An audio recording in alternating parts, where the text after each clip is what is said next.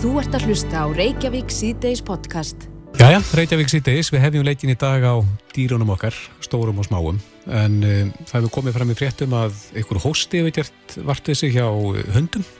Já, og það er ekki bara uh, við mannfólki sem er hóstandi þessa dana, en það fjölmarkir sér einangrun og, og við veitum það að COVID getur oft fyllt, fyllt hósti.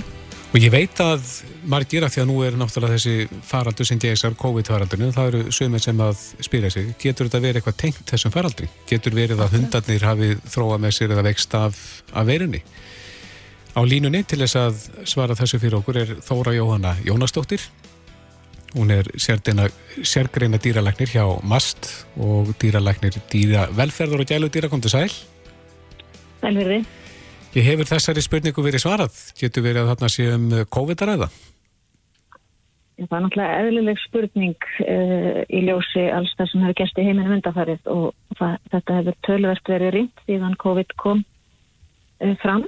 Uh, þá var mjög fljótt verið að skoða og taka þínni frá gæludýrum, mm. frá hundum meðal annars um, og það kom í ljós í þeim rannsóknum og og það er ótal gögn sem að dýra heilbriðstofnun, alveg dýra heilbriðstofnun hefur lagt fram á sínar vefsíður en að þína hundar eru ekki sérstaklega móttækilegir fyrir eh, COVID-veirunni.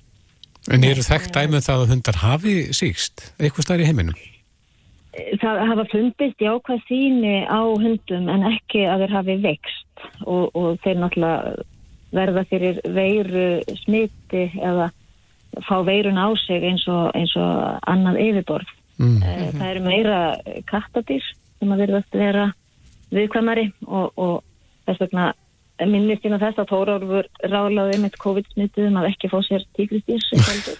Einmitt. Og tíma, það kom upp smitt eh, bæði hjá tíkristýrum og, og mingar vöktu aðtekla þeir e, fengu COVID e, einkenni í Danmörsku sem að leta til aflíðunar á öllum yngum þar í landi. Já, en hundar en... verðast eh, ekki vera mikið í hættu. En, en er það algengt að, að hundar smitist af svona einhverjum öndunafæra síkingum? Já, við erum með uh, það sem almennt uh, dagstæðilega er kallað uh, hótelhósti og það er svona eiginlega hugtak sem að lýsir engjönum sem að þá eins og nafni ber með sér oft snýst um hósta eða efru öndun að færa sýkingar. Eh, það getur verið um, aðeins reynsli úr nösum, eh, augum, en vissulega getur það svo orðið uh, aðeins al, almennara að þeir fái svona almenn enginni slappleika smá hita. En hver er tengið ekki við hótel? Já, það er að því að hundar sem að, það sem er safnast saman, alveg svo uh, með okkur, að þá er meira áhætt að það er smiti og veiran sem að er algengust í þessu uh, smittar oft með svona loftögnum í nærra og hósta eins og influensan hjá okkur. Og þess vegna á svæðum sem að margir hundar koma saman og þá verður auðveldar smitt á ennsku er þetta kallað kennelkó eða kennelhósti og það er að því þar koma margir hundar saman. Þannig að það eigur uh, smittættu alveg eins og hjá mannfólkinu Já, það kom fram í tilkynningu frá ykkur að eh, já, þessi hósti hefur gert vart við sig á höfuborgarsvæðinu undanfarið. Er þetta staðbundið núna við höfuborgarsvæði eins og staðan er núna? Við höfum bara fengið tilkynningar frá dýralæknum á höfuborgarsvæðinu. Um, þannig að það er það sem að, að við um, tökum útgangspunkti. Um, en þetta virðist þar að brá smitandi og og þess vegna ætti nú allir að huga af smittvörnum og fólkin horfið mjög uh, vanti og, og, og þekkir vel hvað það gengur út á mm -hmm. en fólk ætti að forðast þessi vinsælustu hundasvæði og, og hafi huga að þau þurfa að uh, setja hundin í pössun að, að það er kannski best að forðast mikla hópmyndun af hundun Má tala um há, svona já, samkomi bann hjá hundum? Það má alveg kalla það að við mælum með að, að, hérna, að halda uh, samkomi fjölda í, í hófi. Já, far ekki með á þessi svæði sem að þeir sapna saman, þessu sleppi svæði.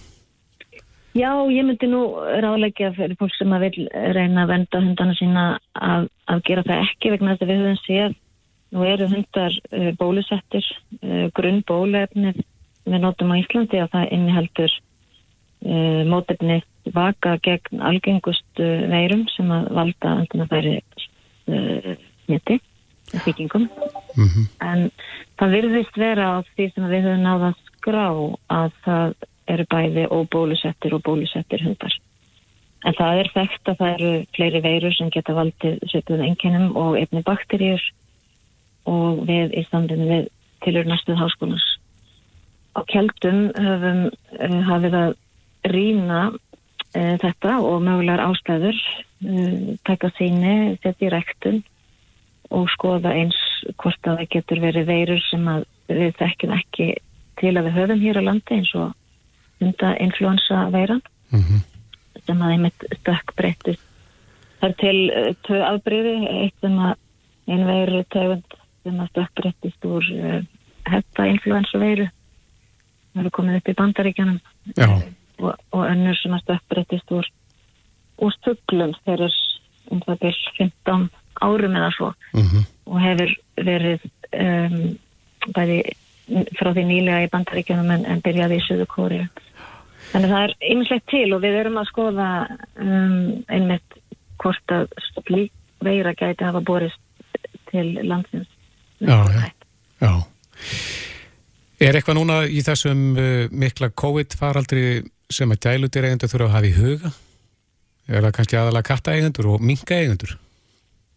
Já, minga eigendur uh, hér á landi hafa nú um, farið sérstaklega varlega um, eftir uppákomin í Danmarku og, og um, kattareigundur þurfa nú ekki að hafa miklar áhyggjur en það má lesa meira um ráðleggingar uh, til gælutýra eigenda varðandi COVID á heimasíðu matalastofnunar, mast.is að, og þá sérstaklega að fólk er, er smitað og er með gælutýr Er hægt að fá leiðbenningar þar um til dæmis ef að maður er smitaður og með hunda köttin á heimilinu eða kannski sérstaklega hunda sem þarf að fara út að ganga með. Eh, Getur maður fengið leiðbenningar þar um hvernig maður skal snúa sér því? Já, við, við settum svona bara um leið og faraldurinn byrjaði þá settum við um, einleifinningar til uh, um það. Mm, akkurat. Já, þetta er aðdeglisvert. Er eitthvað þekkt dæmi um það að, að kettir hafi borið smita? Því að kettir eru náttúrulega margir hverjir úti kettir. Að þeir hafi síkst og, og farið út og Það er, borið veiruna með sér. það er ekki litið svo á að kettir tjónininu hlutverki varðandi að bera smitt hvað var það COVID Einmitt. en eins og ég segi við vísum almenning sem vil lesa því meira til um það uh, á heimasíðun okkar. Og við erum eins þetta aðeins upplýsingar um þessa uh, hunda hósta pestu eða farald sem að virðist vera í gangi núna og byggjum bara fólk um að fara varlega. Og sérstaklega ef fólk er með hunda með enginni og hundarnir eru slappir og mögulega með hita það má þó geta þess að eðlilegur hiti hjá hundum er milli 38 og 39 þannig að ef hundur er með yfir 39 stiga hita og er slappur þá er rétt að leita til dýralæknis en alls ekki ánsamráðs og alls ekki taka hundin úr bílnum inn á uh, dýralæknastofu nema í samráði við móttökuna eða dýralæknis. Nei. Hvernig mælir maður hýta hjá hundi? Gamli góði rassamælurinn er bara fýtt. Já, er það rétt að leiðin? það er best að nota rassamæli, ég mæli nú með þessum sem að eru pínu sveigalegir um, ekki gamli kvikasfylsmælirinn til dæmis Nei. um, en, en rassamæling gefur nákvæmasta niðurstöðu og maður getur nota svona plasthlýf bara yfir og maður getur án þess að, að hika við það að nota bara heimilismælin en maður nota svona plasthlýf Já. Já, þið allavega hafið sett að stað rannsókn á þessu og við fylgjumst með því. Þóra Jóhanna Jónasdóttir, sérgreina dýralæknir hjá MAST og dýralæknir dýravelferðar og gældýra. Kærar þakki fyrir þetta. Takk sem lög Þú ert að hlusta á Reykjavík C-Days podcast. Nú fer bráðlega stittast í já, það sem kalla má tveggja ára afmæli COVID Já, því miður. Sem enginn heldur upp á. Nei, við erum ekki að halda upp á það afmæli. En nú erum við búin að vera í þessu ástandi í tvö ár og, og reglur breytast auðvitað svona í takt við tíman og í takt við gangfaraldur sinns en, en það eru já, margar spurningar sem brenna á fólki varðandi það ástand sem við erum í núna. Og uh, við ætlum að leita svara við nokkrum þeim, höfum tekið saman hérna svona, já, maður kallar þetta spurt og svarað. Einmitt, Eh, það má líka geta þess að þátturinn dag er svolítið svona COVID-legur vegna þess að þú ert í sótkví heima, Já, ég er í nýlaus úr einangurinn. Ég losnaður einangrun í gær og ég mér tókst að mæta einn dag í vinnu og svo eh, var dóttir mín eh, ung sendi í sóttkví þannig að ég er að senda út hérna heimann Já, akkurat. Þú ert nýra á Suðurlandsbröti í stúdíónu með Braga en, En á í- línunni Já, og í Katrínatúni er yfirmaður smitrakningateimis almannavarna. Jóhann Björn Skúlason, sæl. Já, komið sæl. Já, já, Jóhann, eins og, og ég var að koma inn að náðan að þá eru tvö ár liðin og, og einhvern veginn samt veit maður ekkert. Það eru, maður er búin að tala um þetta og lesa fréttir en reglur breytast rætt þannig að, að það eru svona nokkur óvissu þættir sem að, að já, fólk er að velta fyrir sér. Og eitt Já. af því sem að við Kristófer veltum fyrir okkur, við erum nú bæði nýbúin í einangrun og, og nú er okkur sagt að fara varlega uh, í hálfan mánuð eftir að, að útskrift líkur og svona passa passa okkur betur. Uh, Hvað er fólkið í því? Já, ég getum kannski, ég getum kannski ekki alveg úttala mig um það hérna, í varandi tímalengdina því en, hérna, en það er samt hérna, bara í öllu þessu, er, það er ekkert 100% og alveg eins með sínatökurnar og ráðprófin og svo loka einangrunnar að þá, þá er ekkert að ganga niður svona algjörlega 100% í því, þannig að það er svona bara fórast viðkvæma og svona rétt og eftir og hérna, og það er svo sem eins með sínatökurnar að hafa svona, það er alltaf einhver möguleiki. Eru dæmið það, staðfest dæmið það að fólk hafi smitað út frá sér eftir að einangrun líkur? Sko, ég myndi segja eins og núna þegar ef að við erum að tala um sjöta einogrunna þá er það mjög knaft og ég held að það sé svona bara það sem er svona almennt vita í þessu en, en hins vegar hérna, og það er einhver örfótt dæmi það sem er svona grunur um það, já. En er mælt með því að, út að núna eru yfir 10.000 manns á Íslandi í einangrun og allt þetta fólk mun útskæðast á einhverjum tímbúndi. Mm. Er, er þið að mælast til þess að fólk já, auki grímunótkun í þennan halva mánuð eftir að útskrift líkur eða í nokkra vikur eftir eða er ámaður hreinlega bara að fylgja þeim reglum sem settar eru? Já, ég held að svona þessar reglur sem að við, og það er náttúrulega kannski mikilvægt í þessu líka að við verum að, fara að fagna þeim að tvekja rámbali að, að, hérna, að allar þessar reglur og þessar tíðu breytingar að það er alltaf verið að reyna að mæta og svona verið að reyna að læra og mæta svona þörfum hvers tíma. Þannig að ég held að það sé líka mikilvægt að, að þóla daldi breytingarnar. Mm -hmm. En ég held að algjörlega fyrir minna svona aðeins að huga bara svona samskiptum við allavega það sem eru viðkvæmir svona rétt og eftir. Já, akkurat.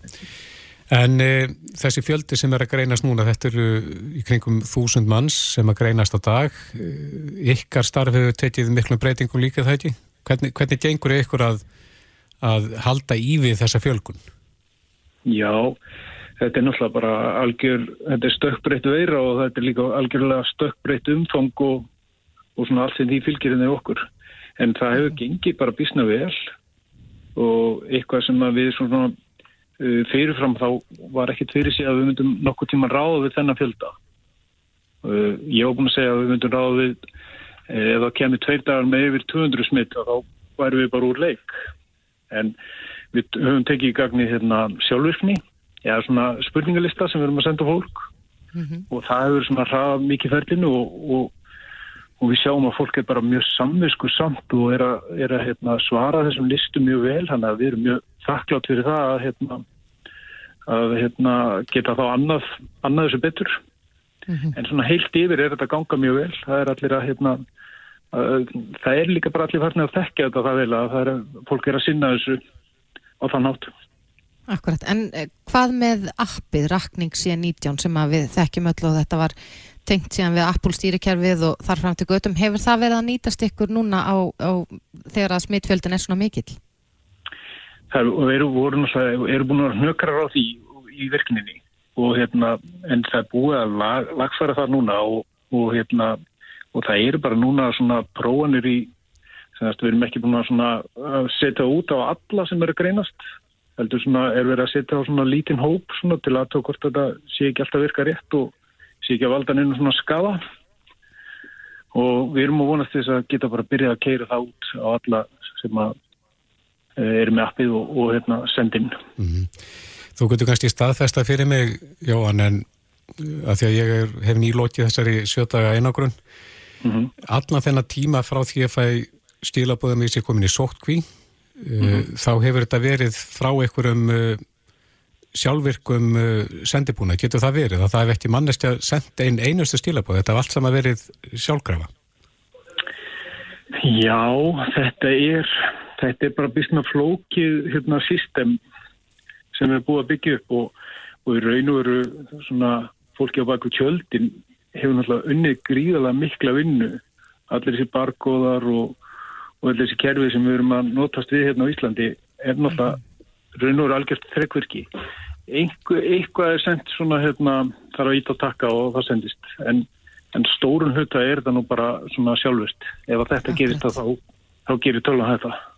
Já, en nú eru þetta svolítið breyttur veruleiki sérstaklega eftir að, að þessum reglum varðandi sóttkví var breytt núna og, og þeir sem eru þrý bólusettir eru undan þeigni sóttkví allavega í einhverjum tilvökum.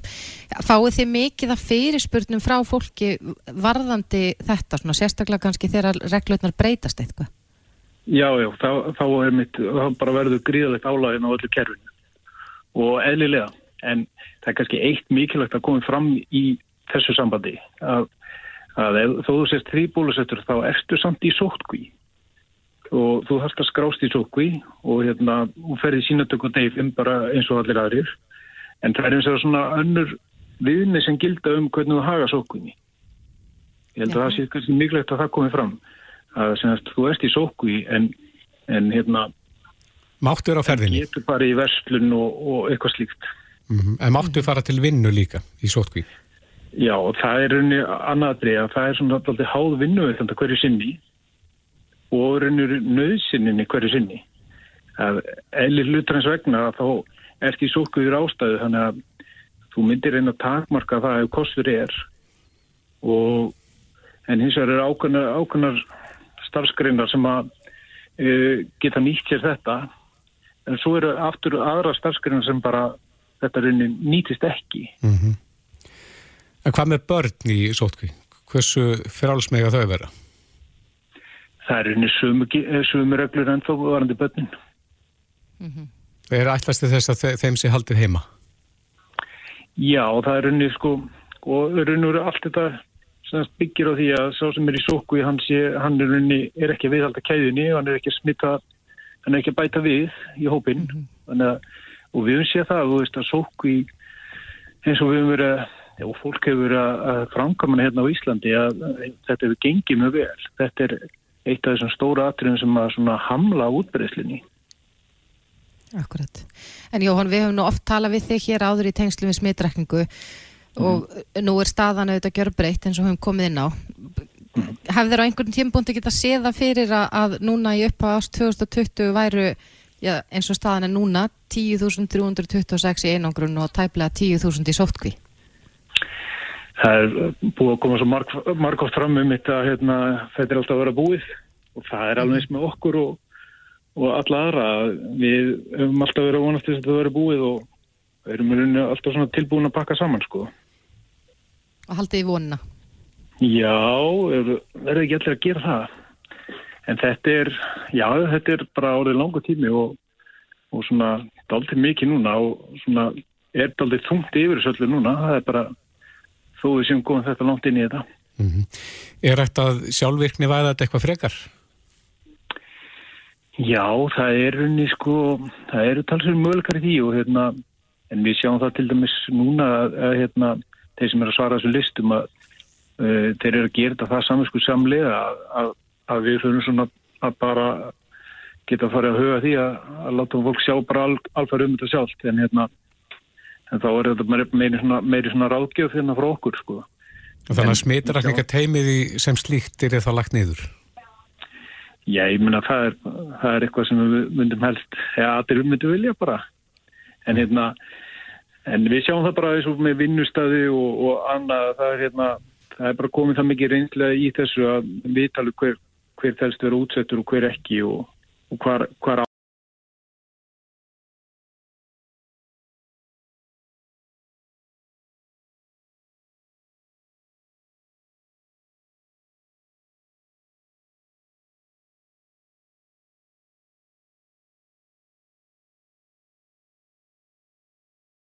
En það er þetta svindvöldum kerfum. Akkurat. Já, við vonum og höldum í vonuna með þér að þetta verði á endanum búið en Jóhann Björn Skúlason, yfirmaður smitrækningateimis almannavarna. Kæra þakki fyrir þetta. Já, minnst að. Þetta er Reykjavík C-Days podcast. Nú ætlum við að snúa okkur að frétt sem að mér þótti í það minnst að vera ein af aðteglisverðari fréttum dagsins. Já, En uh, það barast fréttir að því að læknar í bandaríkjunum hafa grætt svíns hjarta í mann. já. Þetta Maður er aldrei heyrt- gerst áður. Næ, maður hefur heilt talað um að svínin séu svona lífræðilega svolítið lík manninum. Og maður hefur heilt svo sem um svínshjörtu en, en uh, Tómas Guðbjörnsson, sérfræðingur, hjarta og, og lúnaskurleiknir, er komið til okkar, velkomin. Já, takk fyrir. En maður hefur heilt þessa tengingu sko svín og menn, en hefur þetta aldrei verið gert áður með þessum hætti? Þetta hefur ekki verið gert áður þannig að svínshjarta sé grætt í, í hérna eh, í ma mannesku en það var mjög mikla rannsóknir farið fram á þessu lengi þess, þessum aðgjörum Eh, meðal annars á háskólasjúkrásinni í Lundi þar sem að ég stundaði mitt framhalsnám þar var prófessor Stík Sten sem að á nú svolítið þátt í þessari aðgerð svona óbeint því að hann þróaði tækjabúna sem var notað við aðgerðina þessa, þessa núna, þessa síðustu. En, en hann hefur sérstætt verið með svona eiginlega búgarð fyrir utan háskóla sjúkrásur Lundi þar sem hann hefur verið að, að rekta svín og, og, og þá með þetta fyrir augum að reyna að, að uh, gera hjörtu þannig úr gardi að það sé hægt að græða þau í, í mannesku en eins og þið heyrið þetta er langt síðan. Ég er búin að vera heima hérna núna í næstu 20 ár og, Mm og það hafa verið mjög mörg ljón á veginum. Og það hefur það aðalega verið vandamál eh, tengt höfnun að, að sem sagt, vefir svínsins eða grí- hérna, þessi grísahjörtu eru of ólík mannesku þannig að ónæmiskerfi mannsins hefur hafnað hafnað eh, líffærinu En það talaði um það í þessari það ekki að þetta er genabritt. Jú, það er það sem hefur gerst svona á síðust árum, ekki bara á þessari stofnun í Marland þar sem þessi aðgerð fór fram heldur hafa þjóðverið að vera mjög framæla í München og þeir hafa sett verið að breyta eh, þessum svínum með svona erðafræðilegum aðferðum og reyna þannig að að veikla í raunni mótefnisvakana sem að hérna er að kalla á þetta mótefnasvar líkamanns þannig að að, að líkami okkar þá hafni líffærun ekki beint. Og síðan nota maður líka ónami spælandi lif það eru til lif eins og sík, hérna, síklósborni eða takrilímos sem að og, og, og sterar, svona bólguðandi sterar. Og þannig er þetta gert. Og þannig að þetta er flókið við hjörtu sem við hefum þó gert mjög lengi. Að færa hjarta úr út ánum einstaklingi yfir í annan einstakling. Við notum þessa meðferð þar en þetta er náttúrulega miklu miklu flóknar að gera þetta með því að færa líffærið úr, á, á svona milli tegunda. En, en þetta hefur verið gert en tölvört langan tíma bæði bandaríkjunum og í Európu að færa allir grísa hjörtu yfir í, í hjörtu ABA og öfugt til þess að reyna að læra svona á það hvernig ónæmiskerfi þessara dýra bregðast við. Já, en Tómas, sko, fyrir hinn almenna borgar þá hljómar þetta nánast eins og vísindarskálskapur að sé tekið hjarta úr svíni og sett í mann. Eh, Er það fyrir séð að læknavísindin já, sé að þróast í þessa átt að þetta verði mögulega eitthvað sem að verði gert í auknum mæli í framtíðinni? Já, það er reyndar, ég, ég er samt slæð svona ákveðna varnagla við og þetta er auðvitað, þarna hefur samt hérna, FDA í bandaríkjum sem er svona eftirlitstofnunin með bæði livjum og lækningatækjum, hún leiði þetta núna um áramótin að gera þetta en, en þetta er svona það sem í bandaríkjum kalla svona rescue meðferð og gert uh, þegar engin önnur meðferð er í bóði og sjúklingurinn greinilega ver, verið tilbúin í þetta. Hann er á þegar hann fer í aðgerðin á svo kallari ECMO-dælu sem er tækni sem við höfum hérna heima líka sem er rauninni hjarta og lúnavel sem að stiður það bæði við hjartað og lungun. Og er bara eins og eins og dæla þar sem að blóðinu er blóðið tekið út og líkamannum og dælt aftur eins úr eins með þrýstingi. En það er ekki að lifa á slíkri með fyrir lengi og þá Af hverju ekki? Já, vegna þess að það komaði fylgikvillar tengt ekmodælinni. Við getum kert þetta alveg í nokkra vikur og við hefum gert það hérna heim á Íslandi með góðum árangri. En þá fara að koma um síkingar og sérstaklega blæðingatrublanir en svona úti í þessum stærri stopnunum eins og salgrenska sem við hefum mjög, mjög góð samstarfið þá er hægt sérstaklega að græða í, í hjálparhjörtu eða svona elvat dælur stiðja við annarkvært vinstri að hæri sleiðilin eða báða og svo eins og þessari stofnum þar sem þessi Dr. Griffith vinnur þar hafa, hafa líka verið grætti í svo kvöldu hjálpar hjörtu sem er kallað á ennsku Total Artificial Heart það er reynilega bara dæla sem að leysir af bæði hægur og vinsti sleilin gríðarlega dýrt og flókið en það er sagt að nýja sem fréttum að, að þessi sjúklingur hafa ekki verið kandidat í korki það að fá hjarta úr lifandi einstak, eða þess að úr hérna heiladöðum einstaklingi nýja úr að fá þessar, þessi dýru hjálparhört og þess vegna var gripið til þessa meðferðarás. En uh, Tómas, hefur þú heyrti í, í kollegum þínum við sverum heim? Er allir að fylgjast með því hvernig já, framvindan verður eftir ígræsluna? Já, þetta hefur svona veldu allir upp. Ég ringdi nú strax bara snemmi í morgun í félag mína bæði ég byrja nú að ringja til Svíþjóðar ég vildi ekki vekja þessi í Ameríku en hérna ég leiði þeir vakna þeir vakna snemma og bara til að heyra hvernig þeir eru að ræða á sínum morgunfundi eins og við hjá okkur í morgun. Mm -hmm. og, og þetta kom okkur náttúrulega óvart. Þetta er samt búið að vera aðeins í pípunum og flestir heldu að þjóðverðinir eru fyrstir í munn hjön en ég veit að þetta er svona daldið eins og var með fyrstu hjarta í græsluna Barnard, hann gerði hanna í Suður Afrika á sama tíma og bandarækjumenn ætluði að vera fyrstir eins og til tungsins mm -hmm. en, en menn verða þetta að passa sig. Þetta er, það eru mjög svona erfið siðfræðileg vandamál í þessu öllu saman og við verðum líka mun að það að þetta eru bara nokkri daga núna og það er alls ekki sannað að þetta er eftir að döga til lengri tíma. Ég held mér að segja líkurnar á því séu tiltúla litlar en það má ekki glema því að núna í oktober þá var grætt nýra úr, ný, úr svíni í man, mannesku í New York. Og það var reyndar ákveðið þar að gera það í mannesku sem var árin heila döið og ættingarnir gáði leiði fyrir því. Og það var prófað í vísendastíni já, í rauninni verið að prófa hvort að nýrað gæti virkað í, í mannesku sem mm. það gerði. Og þetta var bara í ákveðin tíma. Þannig að það er svona, þið veitir, menn eru svona aðeins að, að færa sig upp á skafti en ég tek aftur fram, það eru svona séðfræðileg eh, vandamál sem að hérna e, verður að ræða og, og, eins og hérna, hver? Nei, bara þú veist, það, það verður til þess að vera alveg á hreinu sko, hvað ætlar að gera til dæmis ef að ef að hérna, þetta svinshjart að gefa sig mm -hmm. Hvernig ætlar þá og það held ég að það ljóta að vera eitthvað sem hefur rættið þennan sjúkling og eins og fréttin er sett upp sem að lesa eins og New York Times að þá virðist hann einhvern veginn ekki hafa verið kandidat í, í það, það er aðgerir eða svona þann, þann björgunabátt þannig að mm -hmm.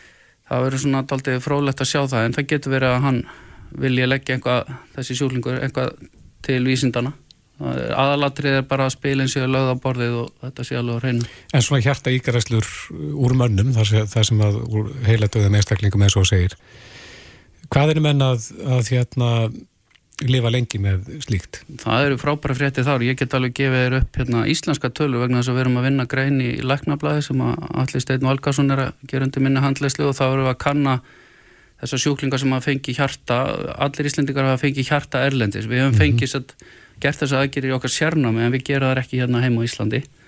En þetta eru um 25 tæfla íslendingar sem hafa fengið hjörtu flestir á Salgrenska sjúkurásinu Gautaborg, mm -hmm. nokkri í London og tveir í Kaupmannöfn og árangurinn er bara frábær, hann er með þess aðeins yfir því sem að gerist á stærstu stöðum Erlendis og sýnir bara það að eftir meðferðin hérna hjá okkur heima á Íslandi, við erum að stýra henni sjálfur og hún verist verið að ganga vel og það, það er bara mjög ánægilegt að segja frá því að fimm árum frá aðgerð þá eru um 90% þessara sjúklinga á, á lífi mesta hættan er í kringum aðgerðinu sjálfur en þetta eru auðvitað bara algjörlega stórkostlegar aðgerri. Ég held að sem skullæknir, reyndur skullæknir, þá er ekkert svona sem að kannski er jafn spennand að vinna með eins og þetta að, að til dæmis að hjartaði tekið úr einstaklingi sem eru auðvitað sorglegt sem er þá heila döður út af heila blæðingu að umfærsleisa eitthvað slíku og en getur orðið annari manneski lífsbjörg og flutta með flugvel og maður hefur þá yfirleitt fjóra klukkutíma upp á hlaupa að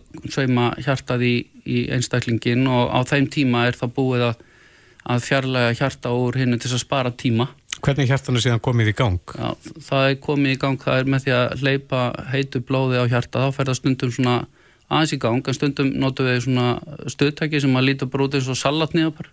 Oh og gefa henni létt stuð og hérna, en það er oft nóg bara að, að tengja einstaklingin við þess eh, eh, hleypa hans eigin blóði á hjarta vegna þess mm -hmm. að til þess að geima hjartað í flutninum þá kælu við hjarta niður. Þetta er bara sett í svona eins og svona boks sem við notar í útilegu. Það er blátt fyrir lungu og, og rautt fyrir hjarta mm -hmm. og síðan setjum við ís og það er sett í sótrensaða plastboka og þannig er það flutt með hitamæli í á milli til dæmis landa eða innan sama lands. Og svo er það tekið upp og, og hérna og saumað inn og þá kemur heitt blóð í hjartað og það fer að dæla. Og það sem er svo ótrúlegt við þetta sko er að það fer að dæla sagt, og, og fer bara að dæla þessu bakkeri á dag sem það á að gera sko. Jaha.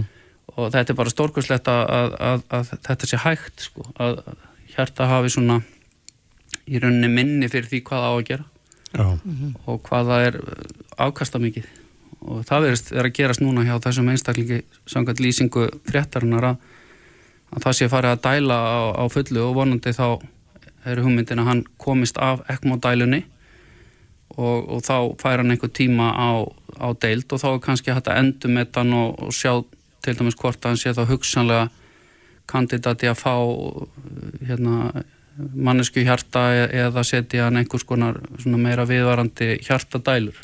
Því að það hefur verið gert fyrir Íslendinga meðan hérna, við hefum þá sendt á til Salgrenska í Kvætaborg og þá er, er verið að býða eftir rétta hjartanu og þá setjum við á svona hjálpar hjarta í einhver tíma, jafnvel einhver ár meðan það verið að býða eftir hjartanu sem passar, er að réttum blóðflokki mm -hmm. og, og hérna þeir eru þá með svona dælu sem er þeirra lífsbjörg sem bara gengur fyrir rámagni mm -hmm. og, og Thomas... Hérna þannig að heilmikið hægt að gera í dag Já.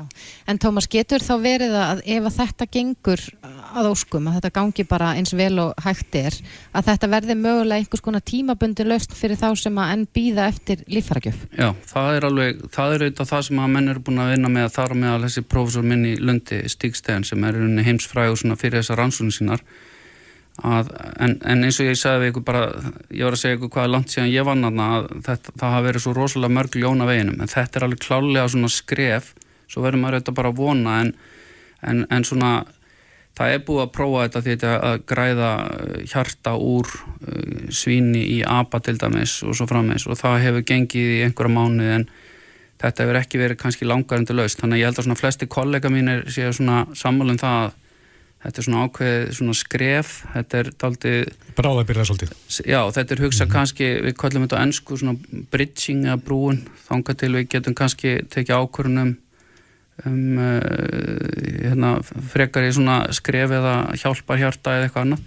Vegna þess að það, það verður að fara rosalega vel með þessi líffæri sem er í bóði. Það verður að græða við réttasjúklinga og það eru svo kallega frábendingar fyrir því að fá nýtt hjarta. Allins ef fólk er mjög gamalt eða hefur alvarlega, aðra, alvarlega undirliggjandi sjútuma eins og krabbamenn sem eru virk eða einhvað slikt þá eru þeir sjúklingar yfirleitt ekki eh, taldi vera kandidatar í, í hjarta í græslu og þá eru hjálpar hjörtu stundum eh, lausn, ekki ef að sjúkdómun alvarlega og samt því að það er dýr meðferð. En ef þetta reynist vel þá gæti þetta verið einhvers konar meðferða möguleg til viðbótar. Já, þið býðir spenntir eftir þessu og reynda fleiri. En Tómas Guðbjörnsson, hjarta á Lúna skurlagnir, eh, kæra þætti fyrir að koma og leiða okkur í gegnum þetta. Já, takk, það var bara gaman.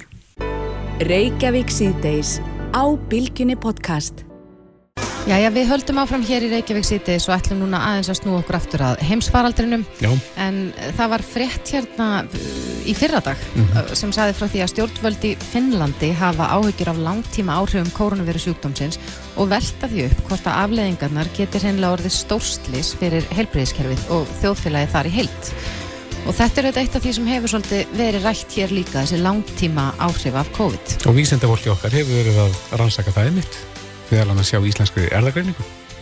Já, og við erum komin í samband við Hilmu Holm sem er yfirmaður hjarta og æðaransóknu hjá Íslenska erðagreiningu og, og var nú að sjá um þessar stóru hilsufarsrannsókn sem að gerða var eða er mögulega ennþá í byggjarð.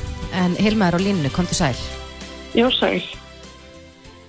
Já, við höfum talað við þið áður hér um þessa helsu rannsók sem þið hjá Íslenska erðagreiningu voruð að gera. Um, mm -hmm. Hafið þið áhyggjur, eða deilið þið þessum áhyggjum finna af uh, langtíma áhrifum? Já, ég held að sé nú sko rétt að hafa áhyggjur af þessu. Það er nú ekki spurning, sko. Uh, eftir að það hefði samband við mér þá fóru nú að leita þessari skýslu sem var að vísa því í fjartatilkynningunni frá Finnlandi mm -hmm. en fann hana nú ekki en þeir eru að tala um að einna hverjum tveimur sem fær COVID geti verið að kljást fyrir langverðandi afleikar. Það er nú hátt hlutall. Já og ég veit ekki alveg sko hvaðan þeir hafa þessa tölu eða út af hverju þeir eru að leggja en þetta eru svona mjög herri sko tölur en við erum svona almennt að vinna með En það fer svolítið eftir bara hvernig þú sko, skilgreinir langvarði COVID og með hvað þýðir þú ert að vinna.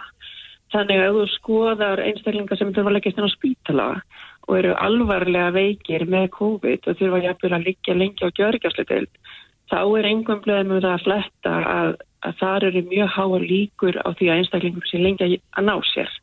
Og þar gæti þessi tala samanlega átt við.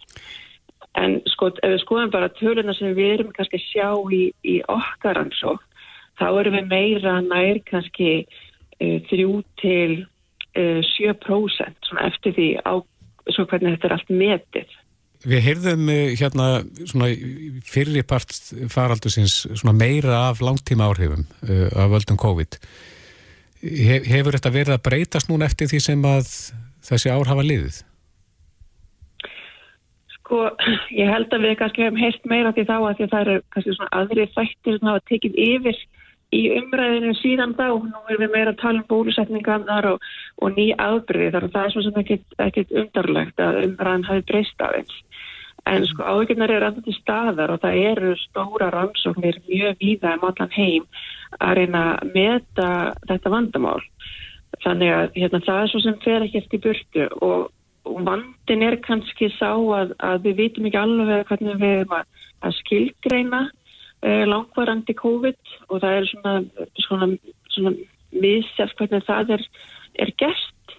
En það er vissulega að verða að rannsaka þetta mikið og, og rétt að, kannski minna og fyrstu nefnum bólusetningar að, að sko mikilvægast þátturinn í þessu kannski núna meðan við stöndum í miðjan faraldri að það er að reyna að koma í veg fyrir að að fólk veikist alvarlega og þar eru þetta bólusetningar okkar helsta vopn. Mm -hmm.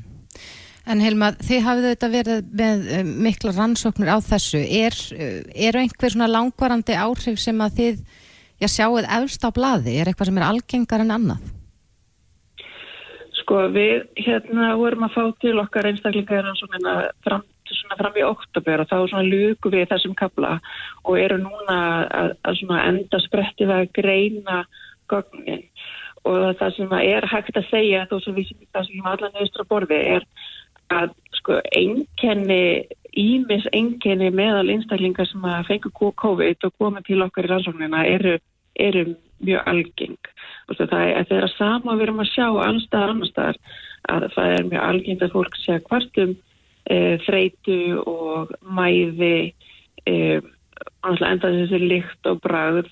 En það er svona þreitaðan og mæðin og, og þreita eftir áruslu sem er þar efst á blaði. Mm -hmm. það sem er kannski torveld er svona að meta hver áhrif sjúkdóttis er á þessu engin er að þetta er alltaf enginni sem eru algengi í samfélaginu. Og það er svona kannski svona tröfnar alltaf tólkunum, gera þetta svolítið vand með farið en það sem er kannski, við getum alltaf sagt sko sem að er jákvægt að þegar við skoðum hérna hóp sem kemur okkar sem er yfir 1700 manns og, og vil að merkja þá er þetta mest fólk sem var ekki alvarlega veikt. Það er bara 5% sem þess að leggist á spítala. Þegar við erum að skoða þannig að þetta er svona almenna þýði að þá erum við ekki að sjá að miður það sem við erum búin að greina í dag svona, við erum ekki að sjá merki um að það sé algengt að það sé útbreytur lífara ef við skoðum bara blóðpröfur þá eru ekki merkjum að hjartaskaði þessi algengari á þeim sem að fengur COVID og það er ekki merkjum að nýrnaskaði þessi algengari á þeim. Svona heilt yfir þannig að það er allavega svona jákvægt þó að, þó að það sé ekki jákvægt að, að fólk sé að kljástu þennan vanda. En eh, hafið þið séð breytingu á niðurstofunum eftir að það var að byrja að bólusetja? Já, sko, við í raun og veru, við hefum ekki skoðað þann hóp. Við vorum aðalega að skoða fólk sem að, e, sem síkti þannig í mæ, eða massa afbreyfni fyrstubylginni og það aftur það síðsumast. Þannig að við hefum ekki skoðað þann hóp. En það sem að aðrir er að sjá er að, og við vitum, við vitum að þessi langvarði enginn tengjast með alvarleika sjúkdómsins. Þannig að um leið að þú ferða bólusetja og þú minkar tíðinni á alvarleika sjúkdóms að þá ert að fara að minka tíðinni á langvarðingum. Það er svona flest sem bendur til þess.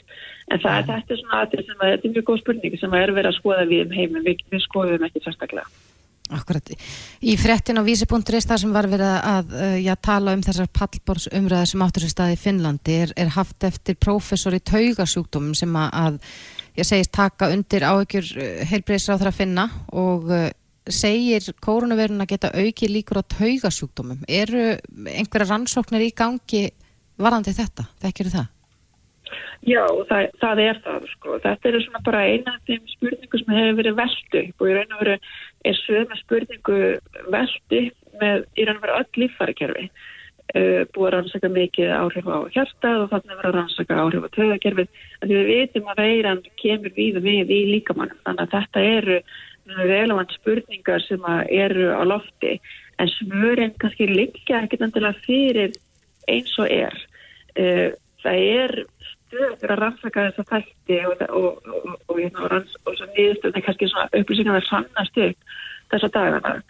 En það getur verið svolítið erfitt að meta þegar við erum skamt að það er komin sko, hverja áraðanleiki nýðustöðuna þú þarf að vera með góða rannsóknir sem bera saman Eh, bæði þá sem hengur COVID við, við viðmeinarhóp og það er ekki alltaf til skadar og svo framins þannig að þetta eru rannsóknir sem eru klárlega í gangi eh, en ég held að, að það, við gætum þetta að býða aðeins þá hvað til við fá svona góðar góðsvör út af því að við erum ofta að tala um svona langtíma afleggingar mm -hmm. þannig að við erum ennþá svona kannski frekar stutt að við erum komin í því Og svo erum við náttúrulega með komið nýtt afbreyði sem að leggst ekki eins þungt á fólk og, Já, og hópurinn af síktum hefur náttúrulega stakka til munna. Akkurat og þá bara vakna í raun og veru nýjar spurningar. Hver, við veitum ekki hvort að ómögrann hegða sér nákvæmlega eins og aðra veirur með tilitur til tilnægingu til langvært engina. Þannig að það er bara, þetta er uh, bara stöðutur ansvonar efni sem vakna og við þurfum að vera vakandi fyrir uh, þeim hlutum en ég, en, ég, en ég vil bara áreita að það er mikilvægt það sem við erum að gera til að verja sig gegn þessu að það er að bólusetja sig ef, ef það er hægt. Já, ég held að þessi fyrir séða að já, áhrifin af þessum heimsfaraldri verður, verður líklegast rannsóknar efni já, næstu árin ef ekki lengur en Akkur. við höldum áfram að fylgjast með því. Hilma Holm, yfir maður hjarta og æðaransóknar hjá Íslenskri erðagreiningu. Takk kærlega fyrir. Já, takk að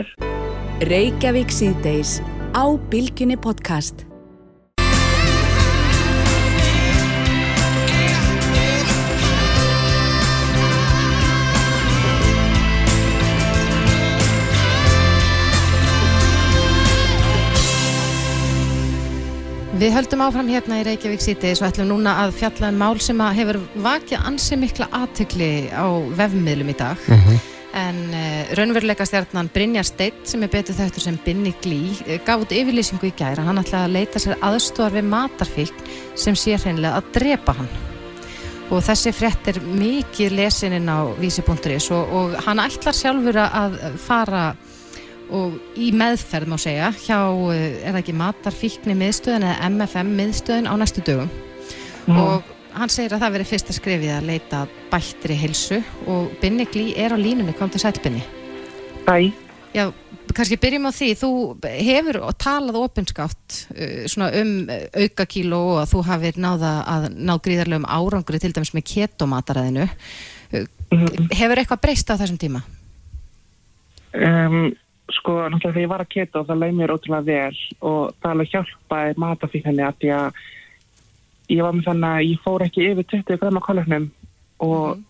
það borðaði bara það þanga til að ég kom upp ketu en svo við hægt að keto í júni fyrra þá bara fór þetta allt í fokk og þetta var bara verða Mhm. og matafíknin var bara miklu verði heldur en hún hefur verið skilur En byrni, hvernig lýsir matafíknir sér? Hvern, hvernig kemur hún, brýst hún út hjá þér? um, ég bara hugsa um mat allan sjóraþingin og finnst þess að þetta er alltaf að borða og alltaf að pæla hvað hvað er frá að skilja að borða í kvöld eða í hádeginu eða bara svona hugsa alltaf mikið og já, bara borða of mikið þannig til að mér bara illt í manum og, og já En þú segir að matafíknir sé að drepa þig. Hve- Hvernig, hve- hvernig kemur það út hjá þér? Hvernig ferður það út? um, bara skilur eins og núna ég á bara erfitt með að anda og það leynast yfir um daginn og bara að hafa blóðfyrsting og bara svona líka með minn er alveg að gefa sig núna eftir og líka að því að í í fyrra þegar þá var þetta bara í svona versta þá skilur byrja ég að æla eftir uh, matið sem ég var að borða að ég var að borða svo mikið og þá byrja ég bara að æla allt í einu. Og svo hugsaði ég bara vá, ok, það er alveg æði að æla skilur við, af því það leynir betur og, og það var alveg þannig frá oktober til desember, þannig til fórum til akkurat og ég vissi bara ok, vá, þetta er alveg frá við, þetta er bara frá að þróast í átursköld, eða skilur við Akkurat. Hefur einhver tíman, hefur einhver tíman áður leitaðir einhvers konar aðstöðar við, já, annarkvort þá ofáti eða mögulega eh, því sem þú talar um að gæti þróast út í átröskun? Mm, nei, en skilju skoða eitthvað í fyrra fóra eitt súmfund hjá OA sem er ég held að það heit hétt Over Ears Anonymous og fóra eitt fundar og mér fannst það bara svo veldrá og óþægilegt þannig að ég bara fóra að fundinum og svo bara hjálpa þetta áfram og ég pældi ekkert svo meir í því en svo já um daginn ekki að þá hugsaði ég bara ok, ég þarf að gera eitthvað í þessu bara núna áðin ég bara degja eitthvað Hvað ertu gamall, Byrni? Ég er til að tekja. Og hefur þetta verið vandamál lengi? Já, bara síðan mann eftir mér þess að ég var yngri, ég var alltaf verið ofstingt og var alltaf að fara til næringafræðinga og þetta er alltaf verið issue og ég er náttúrulega, ég vissi ekki að þetta væri matafík fyrir kannski einhver tíman í fyrra eða hitti fyrra. Þetta ég fann orðið matafík og þá var ég svona, ok, þetta, ég er alveg með þetta og innkennin og já. Já, þetta er kannski eitthvað sem er jafnvel ekki nægilega mikið talað um og það er þetta sem að, kalla þeir matarfíkn. Fóstu inn á síðuna hjá MFM miðstöðun og sást þar strax að þú, já, ef ég má sletta aðeins tekkaður öll bóksin? Já, og hérna, og mér finnst ekki að skýta því að ég náttúrulega var að reyna að finna hjálp í fyrra og ég fann ekki þessu síðu, núna þegar ég leita í gæð þá fann ég þessu síðu en, og ég vissi ekkert af þeim, bara það fór alveg fram hjá mér þannig að mér svo ekki að ég hafði fundið eitthvað. Um hvað snýst helst hjá þér, Binni, ef að, að við erum á svona persónulegum nótum, hvað er það helst sem þú vilt ná fram með batanum? Er það, snýst þetta um sko kílófjölda eða hreinlega bara velíðan? Sko bæði líka náttúrulega, maður verður svo þunglindur og maður fær kvíða og svo oft þegar maður borðar svona mikið og maður fer svo upp í rúm þá lífum maður bara ógst illa og sér eftir því að maður borðar svo mikið en svo gera maður þetta aftur næsta dag og líka bara komast fram hjá því að þetta verður verða skilja því þetta er orðið miklu verða en hefur verið áður. Já, þannig að þú finnur að það er komið að eitthvað svona tímapunkti núna að þú verðir að grípa í taumana. Já.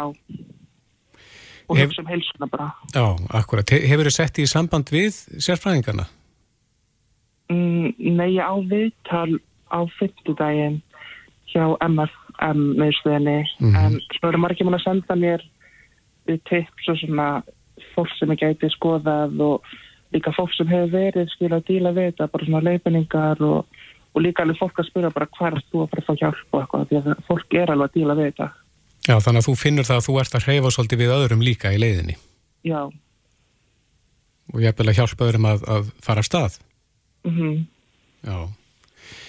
En við segjum bara gangið vel í þessari baróttu og þú leifir okkur kannski að fylgjast með. Yes, svona hvernig gengur og, og bara góðan bata í þessu. mhm, takk fyrir Takk, takk. takk Þetta er Reykjavík C-Days podcast. Jæja, Reykjavík síðdeis heldur áfram.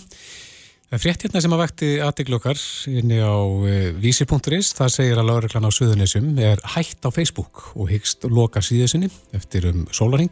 Mhm. Frá þessu greinir lauriklan bætti í fæslu á, á miðlinum sem sögðar verða svo síðasta.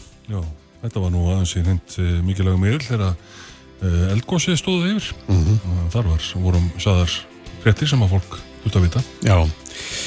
Nú, Personuvend hefur gert aðtóðsendu við nótkun lauruglu hér á landi á samfélagsmiðlunni Facebook og þá sérstaklega í tengslu við móttöku upplýsinga í gegnum miðlinn og þess vegna hefur LSS tekið þá ákvörðun að hætta að nota Facebook í samskiptin sínu við almenning og loka síðunni. Og þetta er svo sem ekki fyrsta fréttin sem að maður heyrir af svona skilmingum uh, stopnan á fyrirtækja við Personuvend og því spyrir maður sig hvort að Personuvendalöggjöfin hér á landi sé strángari en viða í kringum okkur.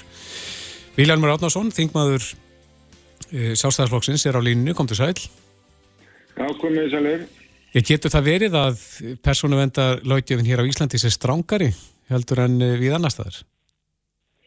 Uh, ég hef ekki fengið neinn svona bein dæmum það og, og hef ekki fengið neina vísböngan sem getum ætlað þannig að þetta er jú Európu reglugerðið sem við innittum hérna árin 2018 og 19 og ég veit að personuvendi hér á Íslandi er í miklu samstarfi við önnu Norðurlöndin eins og Noreg og Danmarku og, og Európu samstarfi og annað slíkt. Þannig að, að að ég held að, að við séum bara frekar ennþá svolítið að læra á þetta og, og, og þetta er eitthvað nýtt fyrir okkur þannig að við þessar vinsla personuupplýsingar eru miklu víðar heldur en að við áttum okkur á áður en þessi lögtu kom þannig að við erum að upplýstar um þetta og þetta.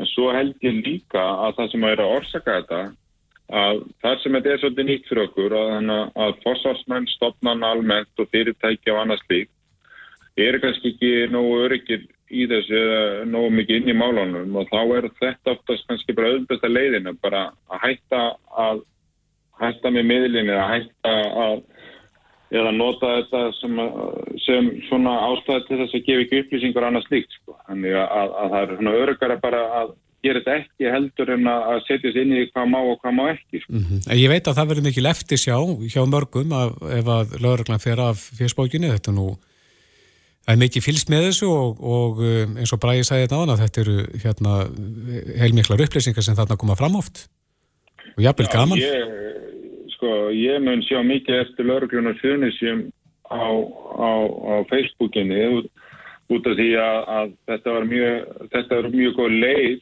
fyrir lauruglu til þess að uppfylla hlutversitt, leiðbenningar hlutverk og upplýsingargjöf og, og fyrirbyggja uppákomur og annars lík og við vitum það alveg að með því að setja einhverja frettatilkynningu en einhverja falda heimasíðun á internetinu, það, það er eitthvað skila sama árangri og, og, og líka bara svona ímynd og tröst til öruglunar jógst að því að eins og þið segið þeir voru skemmtilegir og komu upplýsingunum fram og áhugaverðan að hátt þannig að, að það náðu þá frekar markmið þessum. En ég hérna líka ekki alveg sáttur við félagminna í lauruglunni að loka allir Facebook síðunni út af því að það hefur gert aðdóðsamt yfir því að hún hefði einu sinni verið nýtt til þess að afla upplýsinga í mögulegu sakamáli eða refsumáli. Það er bara tvent ólíkt að vera í samskiptum og upplýsingagjöf til almennings eða sapna upplýsingum og þá er að vera að gera aðdöðsamt við það að lauruglan hafi ekki fulla stjórn á þeim upplýsingum sem koma inn. Það er fara fyrst í bandaríkjana áður að koma til Íslands mm -hmm. og það, það er ekkit mál að vera ennþá að með þess að upplýsingagjöf og svona tengingu við almenning þó að það sé ekki nýtt í, í rannsótt sakamála. Er þetta mikil fljótfærni hjá lauruglunni finnst þér að, að taka þessa ákvörðun? Að hætta bara alfarið? Ég veit ekki hvort sé fljóðfærni en, en, en, en, en að því að það er nú tölvært síðan að þetta mál kom upp sko, það held ég að vera ár síðan.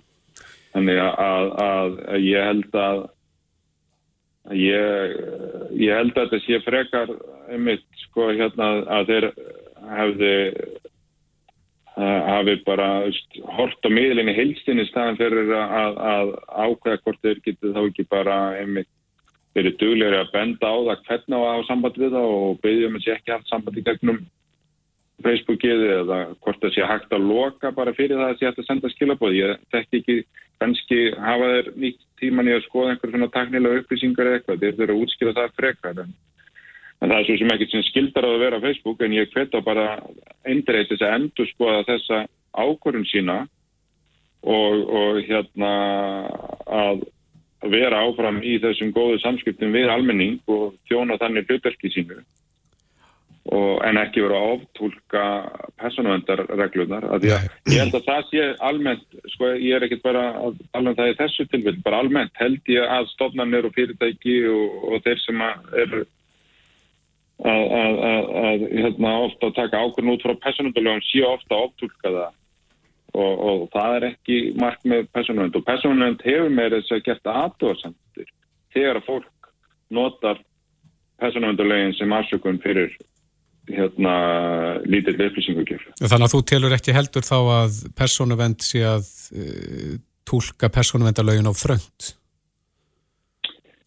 Uh, ekki í þessu máli allavega og, og, og hérna auðvitað getur það komið fyrir og, og viðstu, eins og ég segi þetta er ný laugjöf og við erum alls svolítið að læra þannig að ég ætl ekki útlöka það einhvern tíman að persónuvend tólka eitthvað dröngt. Þetta eru um, 2500 mál sem var skráð hjá þeim árinu 2021 sko. En, en, en svona gegnum heilt held ég að þeir séu bara að reyna að, að, að, að aðlaga Íslands samfélag að þessum reglum. Við erum að búa til leifinningar, erum með spurt og svarað og annað. Þannig að við þurfum bara svolítið tíma til að læra þetta og, og og við megum ekki áttúlketið að nýta hérna, vansettingu almennings á lögunum og, og nýta okkur það til að halda upplýsingum frá fólki eða til þess að gera ekki eitthvað. Við erum að passa okkur að því. Mm -hmm. Vilhelmur Adnarsson, þingmaður sjálfstæðisflokksins, kæra þakki fyrir þetta. Já, takk sem leiðis.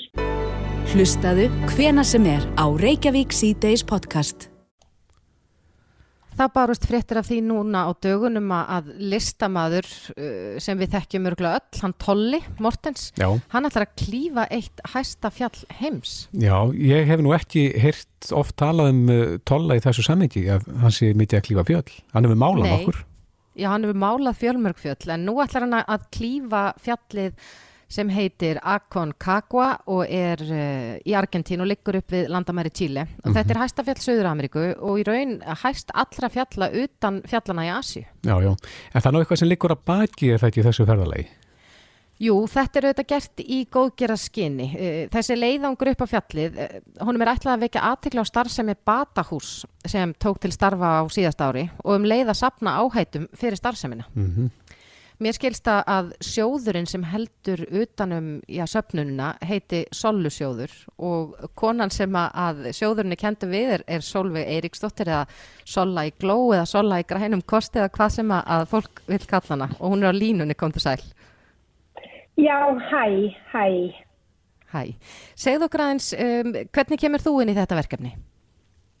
Uh, sko, ég kem inn í þetta verkefni. Þegar byrja mig um að koma í stjórn hjá Batahúsi þar sem ég hef í mörg ár verið að vinna með svona, já, fólki í tólspóra samtökum og hérna og síðan er ég í þessari stjórn að þá skiptum við verkum að það kom svona eiginlega í minn hluta að vera í því teimi sem að væri að fá fólk til að, að styrkja okkur af því að, við, af því að uh, partur af, af þessu sem að, uh, sem að við erum með í gangi er að, þeir, íbúar batahús að þeir fái aðgengi að góðum þerapistum ímsu uh, sem þeir þurfa að laga í lífinu ef að þeir vilja metta sig, við hefum verið að borga mettun líka og dýrar tannlagnarkostnað og þegar maður, og ég veit ekki af hverju ég var fyrir valinu, kannski vegna þess að þegar maður er orðið miðaldra og maður þekkir fullt af fólki út í atvinnulífinu sem að allir hafa verið rosalega jákvæðir að taka vel í að, að, að, að styrkja okkur. Já. Og svo held ég þetta sé nú bara húmor hjá Tolla að kalla þetta Sollisjón. Já, já. En eh, Tolli, eins og við segjum, við höfum ekki hirt mikið rætt um hans svona í sömu andarannu og fjallgöngur. Er hann fjallagarpur e, mikill? Já, já, ég, hann, hann er svona algjör fjallageit. Hann fór fyrir nokkrum árum og var að klífa eitthvað fjall í, hérna, í Nepal fjallgarðinum og hann er mjög liðtækur hérna gungugarpur. Hann, ég veit til dæmis að hann hafði alltaf í fjöldamörg árið ekki ára að þá var hann fyrstur á esuna á nýjásmorgun. Jú, hann leynir á sér þessi strákur. Já, enda ekkert, ekkert smásmið þetta fjall sem hann ætlar upp á, en Sola, segð okkur aðeins, sko, frá Batahúsi. Hvaða starfsemi mm -hmm. ásist að þar? Sko, Batahús er sem sagt af sprengi uh, hérna nefndar sem að félagsmála ráðaneytið skipaði og tolli var meðal annars í því og, og fyllt af, af, af góðu fagfólki. Og í Batahúsi að þá þú getur sótt um að koma í Batahús ef að þú hefur lett í réttar gæslukerfinu og ert að búin að plána að þá er þarna húsnæði, þá, þá býst einstaklingum úrræði að koma og, og búa þarna í alltaf tvö ár og hérna og það er unnið með þetta á svona ákunnu jafninga, grundvelli allt eftir svo, svo litilli hugmyndafræði sem kemur frá tolla og og það er svona verið að styrka einstaklingin andlega jæmt sem líkalega til að komast aftur út í lífið. Ja, þetta er sem fyrir fyrirverandi fanga? Já. Já. Já, eða þá sem hafa lett í, í sko, á eitthvað hátt lett í, í að, að hafa brotið af sér. Já, í kasti við lögin.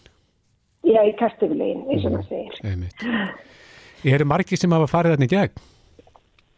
Já, það er, það er nefnilega, þetta byrjaði aðeins rólega en síðan ég held að núna séu í húsinu, ég, við tökum tíu manns og við erum með sem sagt pláss í sjálfu húsinu fyrir áttamanns og síðan fylgja því tvær litlar íbúðir þannig að þeir sem að eiga börn geta fengið að þau geta komið í, í pappahelgar og, og í heimsókn og þá er mhm. það í sér húsnæði, þetta er mjög Þetta er, þetta er alveg frábært að þetta var allt innið í, í sjálfbáðavinnu og síðan erum við með sko stjórn í Batahúsi þar sem að ég er á samt, Polla og, og fleiri góðu fólki og síðan erum við með fulltrúaráð og í fulltrúaráði þar er fólk sem að er í atvinnilífinu þannig að það er líka við leitum til þeirra til að hjálpa okkur að liðka fyrir hérna þegar, var, þegar þeir eru tilbúinir að fara aftur út af vinnumarkaði. Mm -hmm. Já, Tolli segir hérna í, í þeim Já, svona skilabóðum sem hann hefur sendt frá sér fyrir þetta ferðalaga að sko áramótin og nýjár þeir eru honum ofarlegu huga og hann segir að sé eins og þú kannski myndist á einn aðan með nýjárstagin að það væri áratöga hefð hjá honum að lappa á fjalla á nýjárstag. Þannig mhm, að yeah. er, þetta er engin nýlunda hjá hann um að vera en, en þetta er mögulega tölvört herra en það samkvæmt þessu er, er fjallið sko 6.961 metr á hæð. Mm -hmm. Það er aldrei reysa til þess að vekja aðtegla á þessu málefni en, en fyrir þá sem er að hlusta og, og vilja uh, styrkja ykkur, hvert á maður að leita? Sko, þá er hægt að fara inn á heimasíðu hjá Batahúsi sem er batahus.is og þar smelli maður á takka sem heitir styrkja batahús og þá kemur upp kennitela félagsins og reiknisnúmerið hjá, hjá hérna sjöðnum. Og það sem að mér langar líka að segja eins og í sambandi við hann tolla, því við erum búin að vera félagar í, í áratíi og það sem ég elska við hann það er að það eru engar hindranir. Og hann einhvern veginn er búin að vera svo ötull í þessu starfi meðal fanga, búin að fara í fangelsi með hugleyslu fundi í fjöldamörg ár og er líka með slíkt fyrir utan fangelsi þegar það er komið út og mér, þetta er bara svo frábært að því þarna hefur maður orðið vittni að hvernig blaðinu hefur í alvöru verið snúið við En við vitum að það þarf meira til heldur en bara að loka hurðinni í fangelsinu. Það, það eru mjög mikið af bæði fordómum og ymsum hindrinu sem að fólk sem að verður að vegi fangana þegar það koma út. Sola, eða Solveig Eiríksdóttir, Sola á grænu kosti, Sola í gló, hvað ert í dag? Ég, eigum við ekki bara að kalla mig Sollu Eiríks? Er það ekki bara eitthvað svona miðaldra? Sola Eiríks, akkurat, eða Sola í batahúsi kannski. Já, Einmitt. En Solveig Eiríksdóttir, kæra þakki fyrir spjallið og gangi ykkur vel í þessari sömnun. já, takk kærlega og takk fyrir okkur. Og þar með setjum við punktin áttan við, við ætlum að skipta yfir á fréttastofun eftir skamma stund. Þórdís Bræði og Kristófi þakka fyrir sig, verðum hér áttur á ferðinu klukkan á morgun. Verið þið sæl. Reykjavík síðdeis á bylgjunni.